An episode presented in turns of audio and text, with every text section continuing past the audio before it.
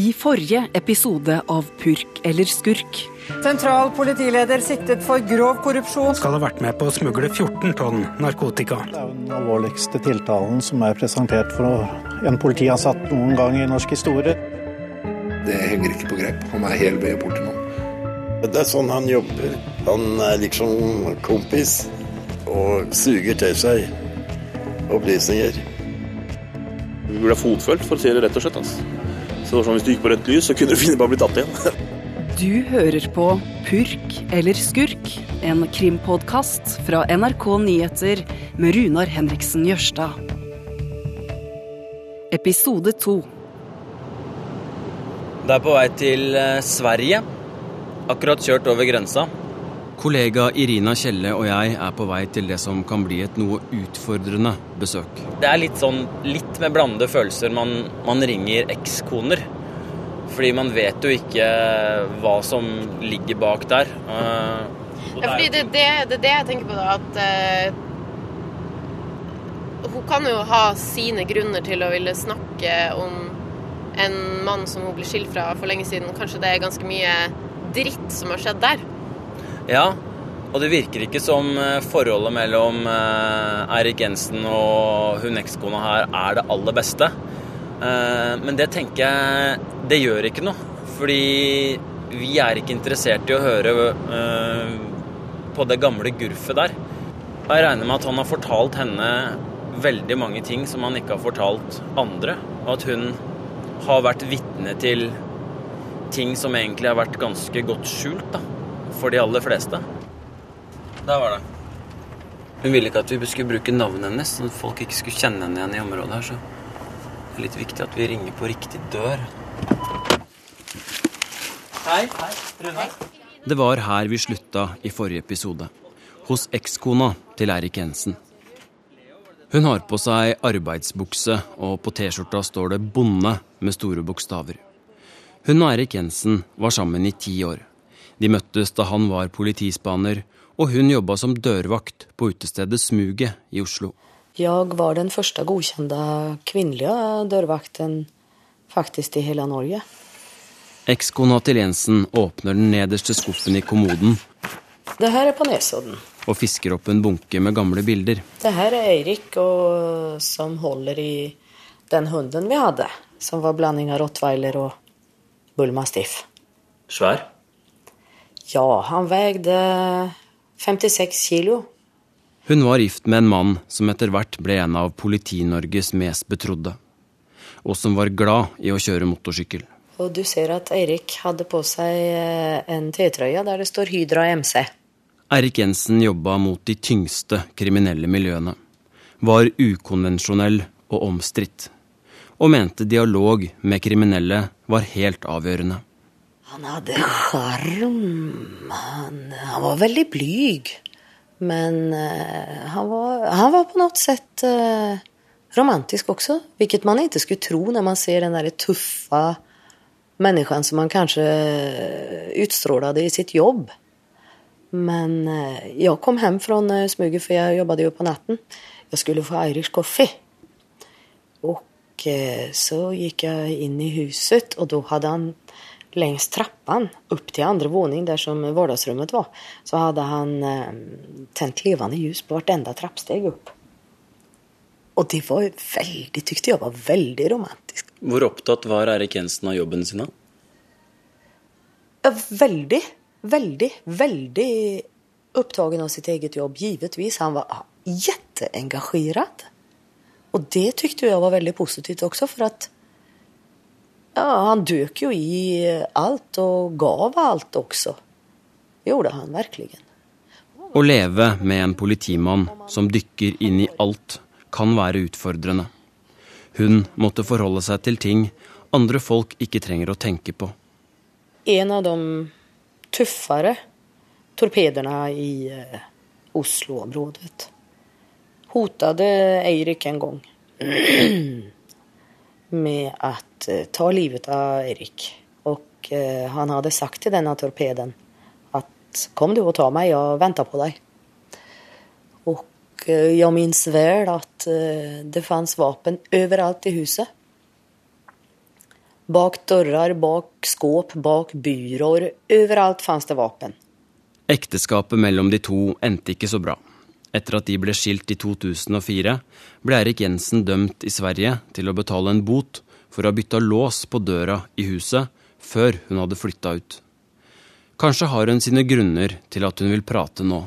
Hvorfor ønsker du å fortelle så mye om Erik Jensen? Er det, er det for å ta hevn, eller?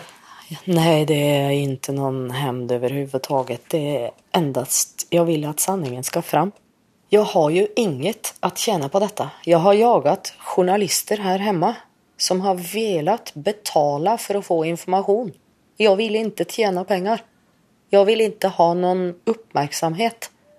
Men når ekskona snakker om Jensen, dukker det opp et annet navn ganske tidlig.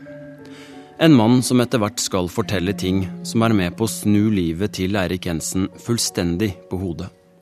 Nemlig Gjermund Cappelen. Mye vel kommer jeg ihåg at han eh, hadde en som het GT. Han ble kalt for GT. Fast han het jo egentlig Gjermund Toru. Men han har bytt navn ut til Cappelen, tror jeg. Dette er viktig. Gjermund Cappelen er den andre hovedpersonen i historien om Eirik Jensen. Det hasjimportøren fra Bærum har påstått i politiavhør, ble starten på det Eirik Jensen omtaler som sitt livs kamp en kamp som skal kjempes i retten. I desember 2013 starter saken. En hasjliga i Bærum blir avslørt. Gjermund Cappelen blir pågrepet.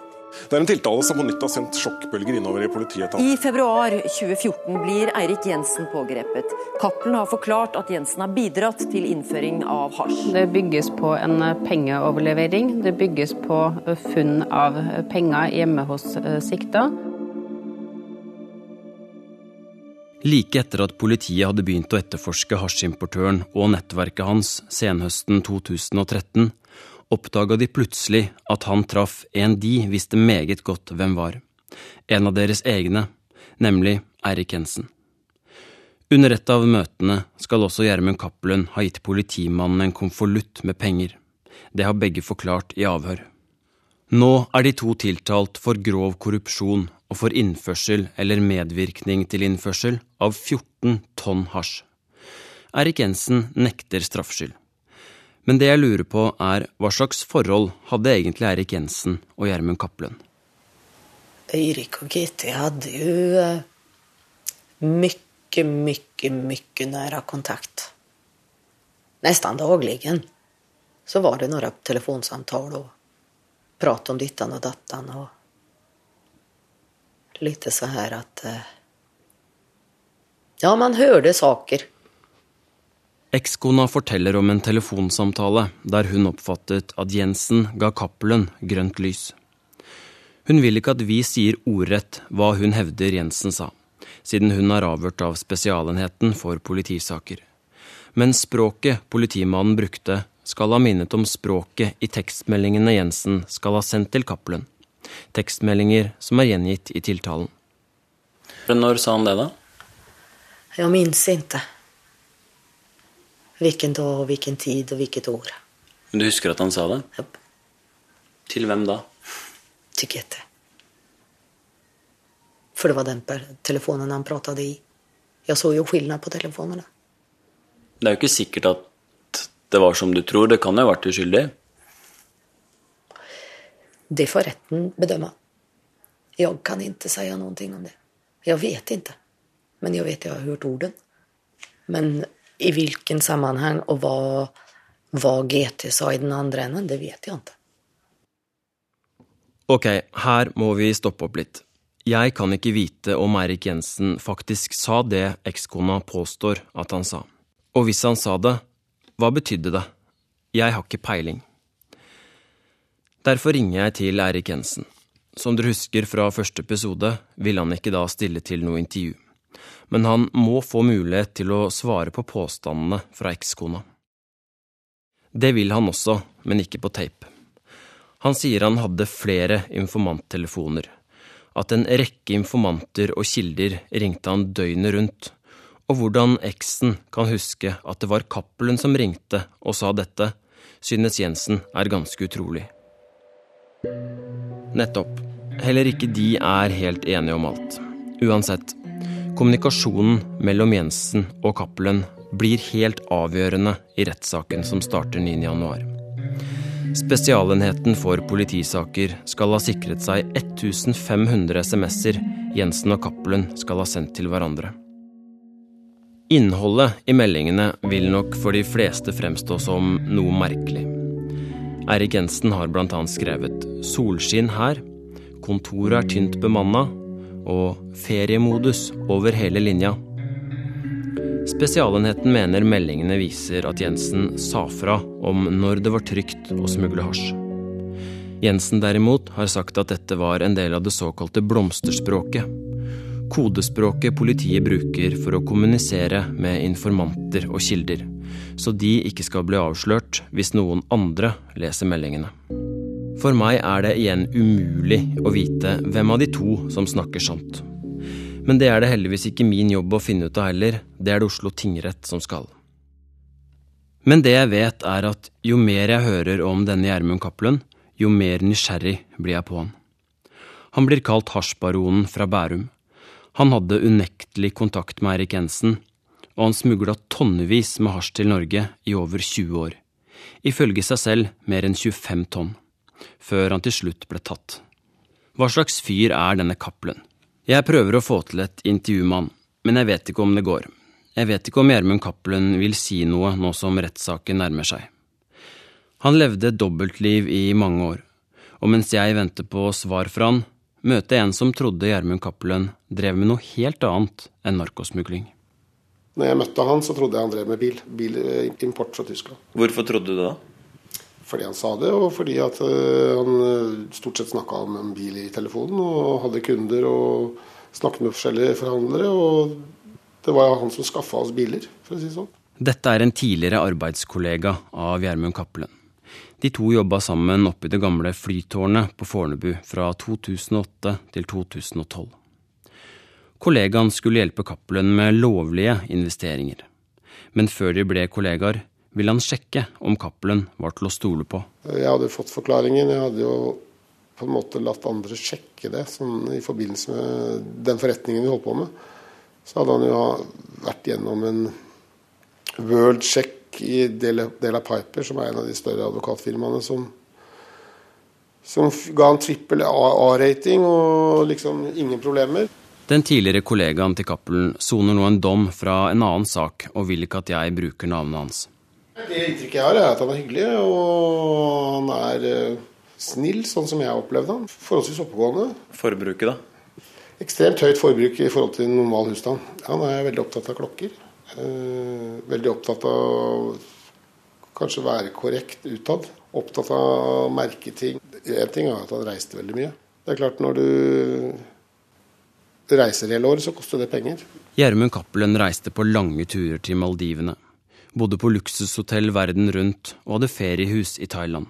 Men ifølge den tidligere kollegaen ble huset sjelden brukt. Nei, Tydeligvis så var det, det var ikke en bra nok infrastruktur ennå. Sånn at det ble valgt å bo på hotell isteden, skjønte jeg. Kortere vei til butikken og roomservice? Ja, det er vel det. På papiret så det lenge ut som ting var i orden. Men noen begynte å reagere på det enorme pengeforbruket. Så skjedde det som også fikk kollegaene til å bli skeptiske. De fikk se et bilde. Noen hevdet at Cappelen hadde møtt en politimann oppe på Ekeberg i Oslo.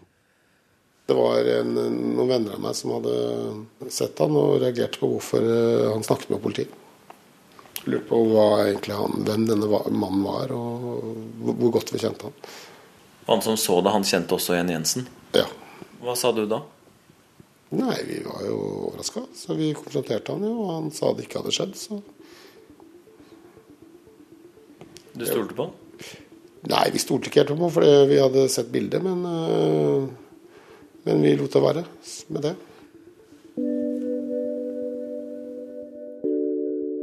Hvorfor møttes de to, og hva snakka de om? Gjermund Cappelen må ha levd et vanvittig dobbeltliv, og det ganske lenge. Men hvordan starta det? Og hvorfor droppa Gjermund Cappelen å gå på videregående for heller å selge hasj? Skal vi gå inn? Ja. Endelig får jeg muligheten til å spørre narkosmugleren selv. Da står jeg utenfor de eh, høye gjerdene med piggtråd på Ila fengsel. Om et kvarter så er planen at jeg skal møte Gjermund Cappelen. Jeg sendte han et brev for noen uker siden og spurte om jeg kunne få komme og intervjue han. Så tok det lang tid før jeg hørte noe, men så plutselig så ringte han meg og sa at eh, ja, jeg kunne komme. Han ville ikke snakke om alt mulig, sa han. Han ville ikke si mye om Eirik Jensen og det forholdet de har hatt. Eh, og han lurte fælt på hva slags podkast vi holdt på med. Så nå skal jeg se om jeg får komme inn her. Jeg håper da det. Der. Takk, takk. Gjermund Cappelen står klar ved det lille besøksrommet inne på Ila fengsel. Grønne vegger og en svart skinnsofa. På veggen tikker ei klokke. Han ser ut som en nokså vanlig norsk 50-åring. Briller, tynn i håret, olabukse og grå genser. Du bor på Ila nå. Hvordan er det? Det er, eh, å sitte i fengsel er en krevende livsform. Det er eh, tunge og gode dager, men eh, det er fylt med mye avmaktsfølelse. Man får ikke gjort stort med det man ønsker å gjøre noe med. Men samtidig så skjer det mye her. Det er jo trening og jobb og mange hyggelige mennesker å omgås. Hva slags dobbeltliv har du egentlig levd, da? Med en uh, streit fasade. Og du fremstår da som noe helt annet enn det du egentlig er. Og det, det er veldig vanskelig å leve med, for det er, det er på en måte en løgn. Du løyet til mange? Helt opplagt. Hvordan var fasaden til Gjermund Cappelen, da? Nei, jeg var selvstendig næringsdrivende. Solgte biler, drev med aksjehandel etc. etc. Noe av det var riktig, andre ting var eh, litt uh, overdrevet, kan du si. Mm. Mange trodde du drev med biler? Ja, jeg har jo hatt det som en hobby gjennom hele livet. Mm. Jeg har vært veldig opptatt av biler. Og gledet meg stort over å ha uh, biler og kunne kjøre og kose meg med det. Så biler har på en måte vært psykologen min. Det er nok en stund til han får sitte bak rattet igjen. I 2015, to år etter at han til slutt ble tatt av politiet, ble han dømt for oppbevaring og salg av 1,4 tonn hasj. De andre i hasjnettverket fikk lange fengselsstraffer. Men Gjermund Cappelen har ikke fått straffeutmålingen ennå. Den blir først klar etter at han har møtt Erik Jensen i retten. Men gruer du deg, ja? Jeg gleder meg i hvert fall ikke. Men hvordan blir det å møte han igjen, da? Sittende på den andre sida? Nei, det blir ikke noe lystig gjensyn, det. Men uh, vi kommer til å treffe hverandre. Og så får tiden vise hvordan det blir. Men kommer til å ta hverandre i hånda, eller hvordan blir det? Det tviler jeg på. Hvorfor det? Nei, for vi er jo sånn som Saken sakene utviklet seg, så er jo ikke vi enige om virkeligheten her. Ja, dere sier to veldig forskjellige ting. Ja, det gjør vi. Og det er jo da opp til retten å vurdere hva som er bevist og ikke bevist. da. For det jeg lurer på, er jo hvem av dere som ljuger. Det er jo da 1000 kroner-spørsmålet.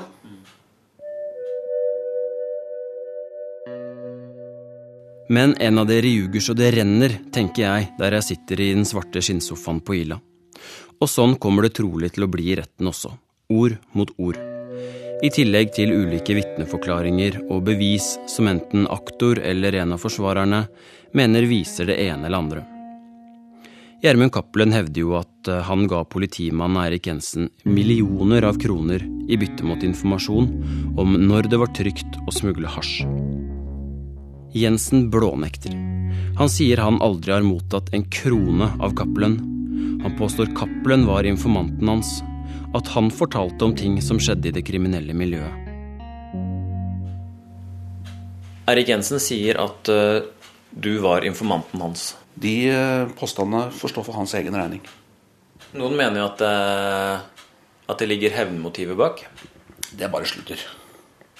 Det, nei, altså jeg har hørt noen, versert noen rykter om at jeg skal ha blitt presset til å angi Jensen på en måte. Og det er ikke sånn dette fungerer. For det første så var det ingen som hadde tilgang til meg når jeg satt i isolasjon nede på G. Og for det andre så er det ikke sånn at jeg ringte på døra eh, i Asker og Bærum og sa at eh, her er jeg, nå skal jeg angi Erik Jensen. Fungerer ikke på den måten. Siden Cappelen allerede er dømt i en stor narkosak, vet han at han blir sittende i fengsel en god del år uansett hvordan oppgjøret med Jensen går. Kommer du til å klare deg? Det er innstilt på, så det, det, skal jeg gjøre. Og det må jeg gjøre. Jeg har ikke noe valg. Det er ikke jeg som er offer i denne saken her. Hvem er det? Det er jo familie og eh, alle de har solgt hasj til. Hvorfor er de ofre? Ja, fordi at rus er ikke bra. Alle skjønner jo det. Uansett om man kan diskutere hvorvidt hasj er så farlig i forhold til alkohol osv. Men for mye rusbruk er ikke bra, uansett hva det er. Du veit hva du snakker om? Det vet jeg. Det var kanskje ikke tilfeldig at Gjermund Cappelen begynte å selge narkotika. Han var ikke gamle karen da han ble introdusert for hasj. Når begynte du å eksperimentere litt? da? Nei, i 12-13-årsalderen. Ja. Hva begynte du med da? Med hasj. Hvordan var det? Det var spennende. Mm. Det var det. Det er tidlig? Det er tidlig, men sånn Hva skal jeg si? Det var en del av tilværelsen den gangen. Mm. Hvordan utvikla det seg, da? Nei, det, Man ser resultatet nå. Nå sitter jeg her. Jeg har jo sittet i fengsel før òg. Så det har vært et uh, liv fylt av mye kriminalitet og dysfunksjonalitet, for å si det sånn. Ja, hva mener du med det? Nei, at jeg har ikke levd etter de normer og regler som samfunnet kanskje mener at man skal gjøre. Mm. Hvilke forhold har du til kriminalitet? Nei, jeg har vært kriminell hele livet, egentlig. Før Cappelen ble skurk, vokste han opp i Bærum og på bygda. Moren var lærer, faren ingeniør.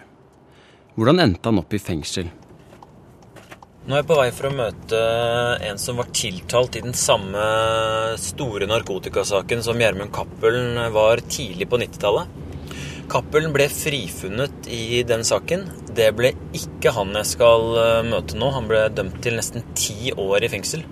Men det er lenge siden 1992 eh, og denne hasjsaken, og han jeg skal møte nå, har siden den gang fått seg et veldig streit liv. Vi er derfor blitt enige om at uh, vi ikke trenger å bruke navnet hans, eller hvor han bor, eller hva han jobber med. Besøksparkering. Jeg får vise deg, da. Hei, hei. hei. Runar. Ja, Velkommen skal du være. Tusen takk. Yes. Første gang jeg traff Gjermund, det var faktisk talt på en ungdomsklubb i ja, Oslos beste vestkant, på Røa. Han var en veldig hyggelig kar. Han var veldig voksen for sin alder. Han var eh, sjarmerende, uh, han var intelligent. Vi er på 80-tallet. Pizza Grandiosa hadde akkurat blitt lansert. Guttegjengen så på Haisommer i kjellerstua, kjøpte hasj i Slottsparken og suste rundt på moped. Vi samlet oss, og så ville, så ville vi som en gjeng også sette oss ned og spise pizza sammen. Uh, røyke hasj og uh, sette på en video. Uh, senere så ble han med i motorsykkelgjengen, og det som er litt rart ved det hele, er det at han eide verken moped eller motorsykkel. Så han satt, han satt alltid bakpå oss andre. Når han tenker tilbake på ungdomstida, husker han at Gjermund Cappelen hadde flere talenter. Han utmerket seg i eh, forretningslivet allerede som tenåring. Han var bl.a. pioner i eh, salg av parabolantenner på 80-tallet. Så jobbet han også for et bokforlag som solgte husleksikon. Jeg hørte i ettertid at salgssjefen for den bedriften, eller bokforlaget, omtalte Gjermund som en stjerneselger. Han var veldig flink til å selge. Han var flink til å administrere, organisere. Og eh, det var en periode hvor han tjente godt med penger. På ærlig vis. Så han hadde tidlig egenskapene som også er gode å ha hvis du skal bli stor på import og salg av hasj? Han har valgt å bruke sine egenskaper til uh, til det. Han sier Gjermund Cappelen likte å ha penger. At han var spandabel og sjenerøs mot vennene. Men han hadde kanskje ikke alltid full kontroll. Som menneske så hadde han en utfordring av å leve etter sine egne prinsipper. Økonomi og eh, økonomiholdning, det, det var en svakhet hos han. Han eh, Og det har han alltid hatt, egentlig. Eh, han har alltid hatt et vanvittig pengeforbruk. Jeg spør Cappelen om det stemmer. Jeg har jo forsøkt å gjøre fornuftige ting også. Ja, okay. Nei, det var jo det at man tjente så godt på å selge hasj at det ble på en måte meningsløst å gjøre andre ting. Når gikk du fra å bruke hasj til å selge hasj? da? Jeg begynte å selge i 15-16-årsalderen. Droppa videregående? Ja. Mm. Hvordan starta kriminelle løpebanen?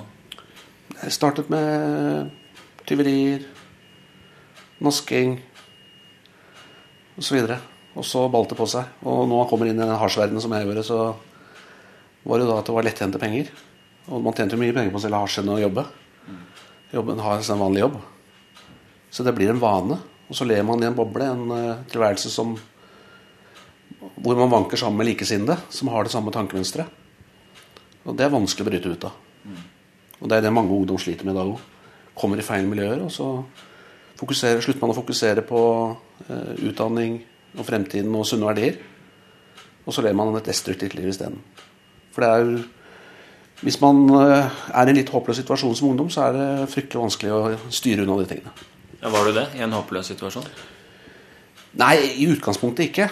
Men uh, det var jo forhold i livet mitt som kanskje ikke var så veldig bra i, i barndommen. Mm. Hva er det? Nei, det vil jeg ikke egentlig si så mye om. Men uh, det er vel en naturlig årsak til at jeg sitter her hvor jeg sitter i dag. Mm. Det er det. En fredagsnatt i september 1986, like før Gjermund Cappelen fylte 20 år, begikk han sin første alvorlige kriminelle handling, i alle fall som vi vet om. Han brøyte seg inn i et sportslager på Røa og stjal 100 dunjakker, flere gensere, ryggsekker og tennisracketer. Jeg husker det at det var en periode hvor det plutselig florerte med mange flotte dunjakker. Tidligere hadde han fått bot for besittelse av hasj. Nå var det langt mer alvorlig. Ett og et halvt års fengsel. Det var jo Moncler dunjakker. Så jeg satt jo her på Ila i 87 i forbindelse med den saken. Det virker ikke som det første oppholdet på Ila påvirket Gjermund Cappelens fokus.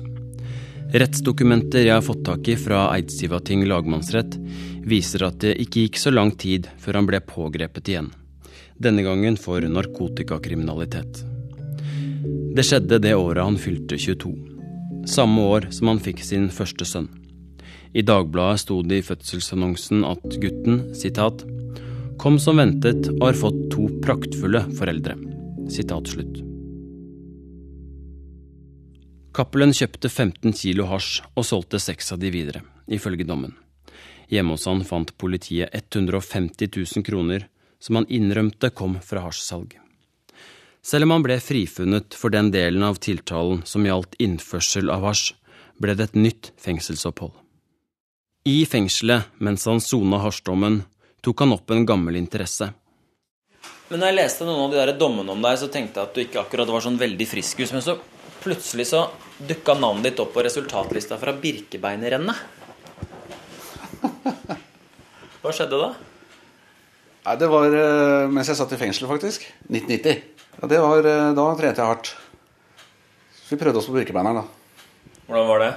Nei, Det var jævlig hardt. Jeg så det på tida. At du aldri kom i mål? Det sto at du kom i mål etter 8 12 timer. Nei da, jeg tok bussen når jeg kom halvveis. Jeg lå foran alle de andre i mål. Du juksa? Jeg juksa. Er det sant? Det er helt sant. Var det ingen som oppdaga deg? Jo da, jeg sa det. Okay. Men først så sto jeg i mål der, og så kommer alle de andre inn. Ikke sant? Så hva helvete, hva har du gjort? Dette var i 1990. Et par år senere skulle Gjermund Cappelen altså møte politimannen som fikk en svært avgjørende rolle for hvordan livet skulle bli. Eirik Jensen var politimannen med langt hår og skinnjakke. Gjermund Cappelen hadde en annen stil. Men denne mennesken han så jo ut som vanliga mennesker. Dette er ekskona til Eirik Jensen igjen. Snygge klærne og fine skjorter og velklipt i hår og velskjøtta nagler og alt liksom veldig proper. Så jeg, jeg tyckte det var veldig konstig at han sysla med heroin.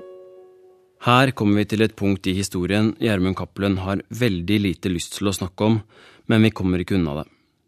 Ti år etter at kompisene satt og røyka hasjpipe og så på video, dro Gjermund Cappelen ned til Oslo sentrum en mandag ettermiddag og kjøpte et kvart gram heroin for 250 kroner.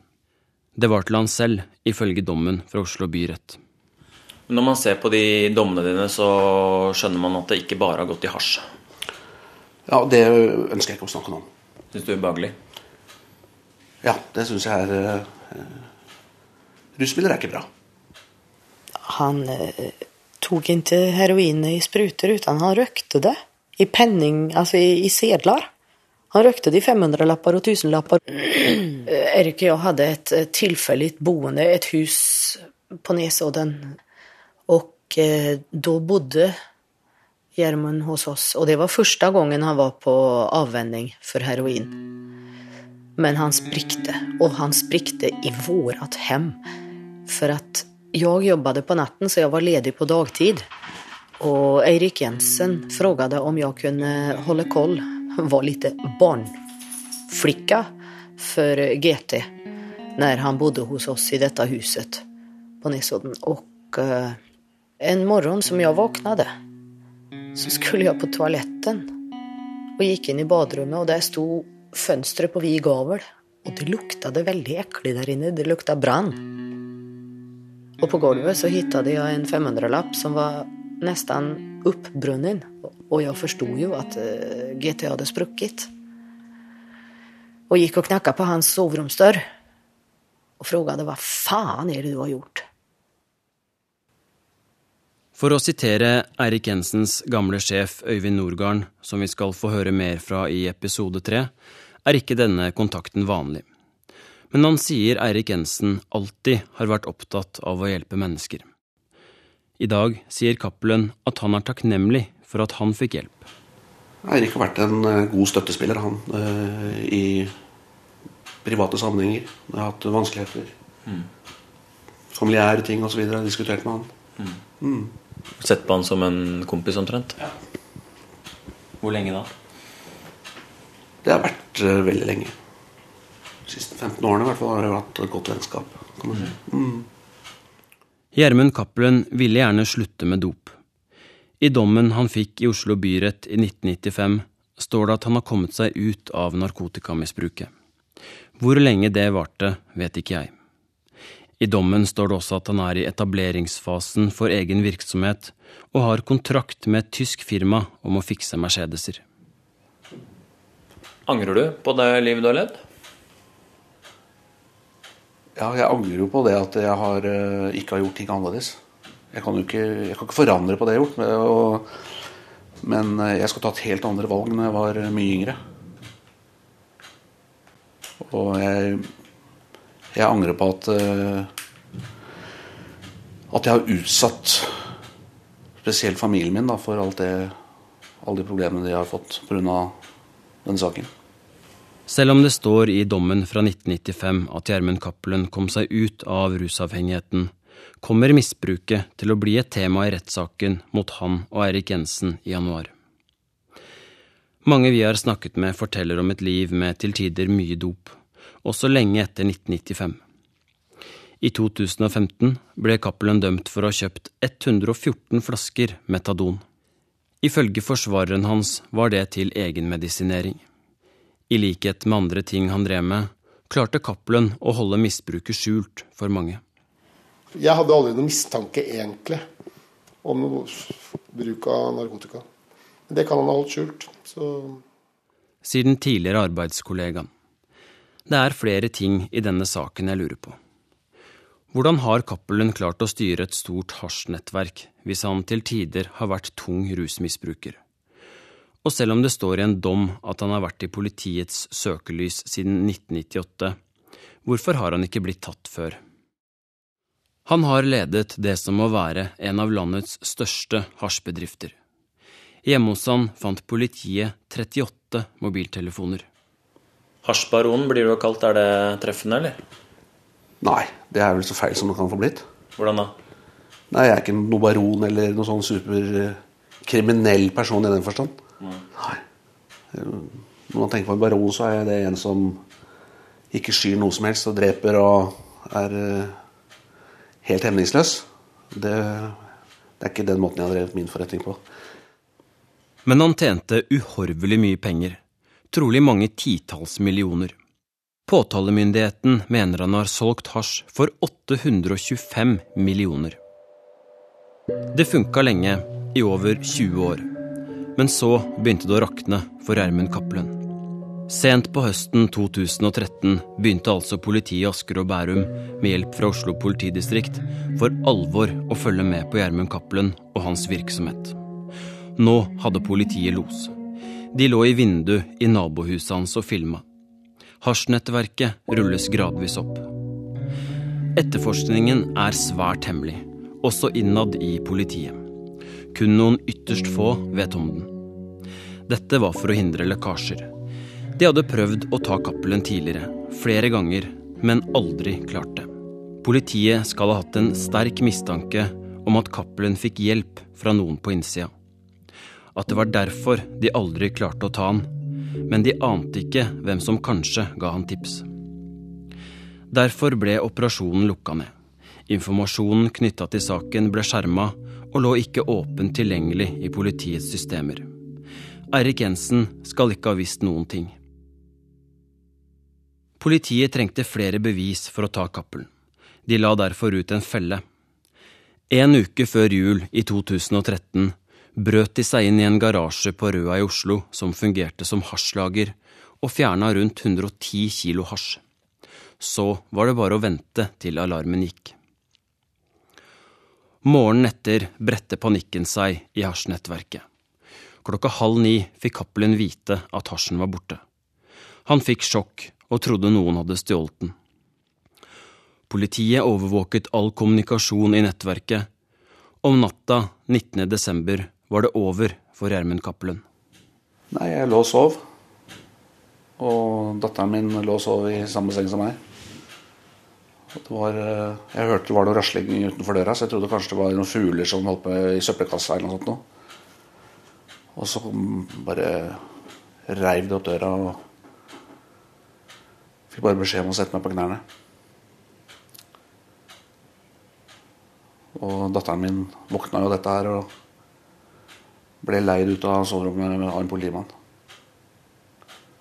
Så jeg glemmer jo ikke det blikket datteren min hadde i øynene da. Hva tenker du da? Nei, den frykten og redselen hun hadde da, det var forferdelig. At det var din skyld? Ja. Den samme dagen, like før han ble arrestert på sitt eget soverom, møtte Gjermund Cappelen politimannen Eirik Jensen. Hvorfor ville Cappelen møte Jensen rett etter at han fikk vite at hasjen hans var borte? Hva snakka de om?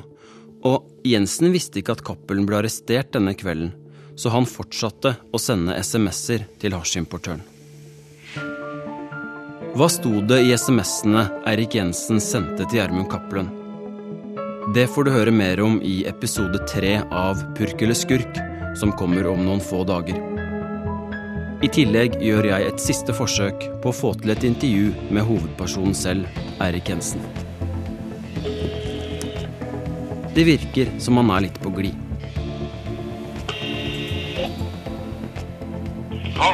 Hei, det er Runar. Hei. Hei. Passer du nå? Ja, eh, ja.